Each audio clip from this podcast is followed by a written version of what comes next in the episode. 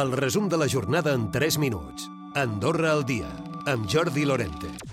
Els 68 veïns dels edificis 28 i 30 de l'Avinguda Santa Coloma, en els que van aparèixer esquerdes el passat maig del 2022, seran desallotjats aquests dies perquè els moviments del terra s'han intensificat les darreres hores. De fet, tenen fins divendres a les 3 per abandonar els seus domicilis.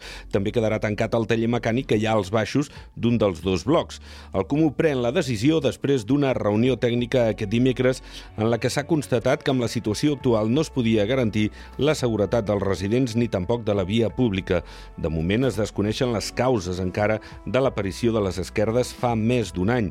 A partir de dilluns seguiran eh, d'una banda tasques de reconeixement del terreny, també s'injectarà de nou resina i el Comú requerirà de nou els propietaris dels blocs perquè garanteixin la seguretat dels immobles.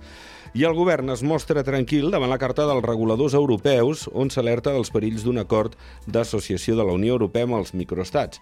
Guillem Casal, portaveu del govern. Per part de la Comissió Europea, que és amb qui negociem i amb qui ens assentem a la taula de negociació, no hem rebut eh, cap mena de preocupació pel que fa aquesta temàtica no? i la, la lliure circulació de capitals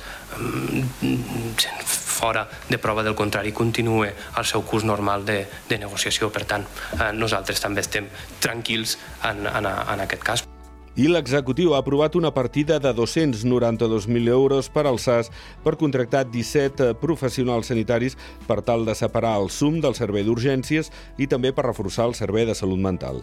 La partida més important, 210.000, es destinarà al primer projecte i es preveu incorporar 10 professionals com ara metges, infermers i un tècnic de transport sanitari.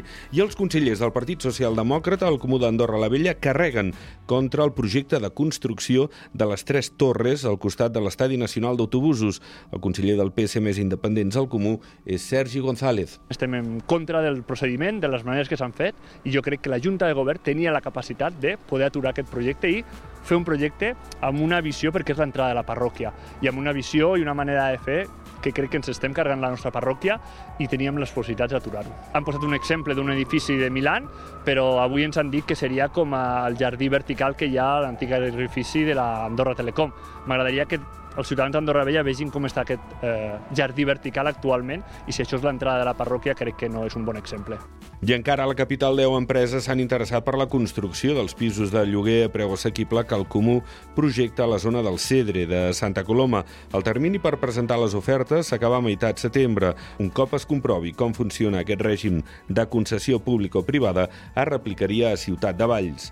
I la Massana compta amb el suport de tots els propietaris que han de cedir terrenys per començar la primera fase del vial, tot i que encara falten algunes signatures.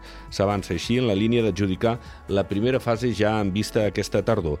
De fet, aquest és un dels projectes més destacats dels darrers quatre anys per part del Comú. Recupera el resum de la jornada cada dia a AndorraDifusió.d i a les plataformes de podcast.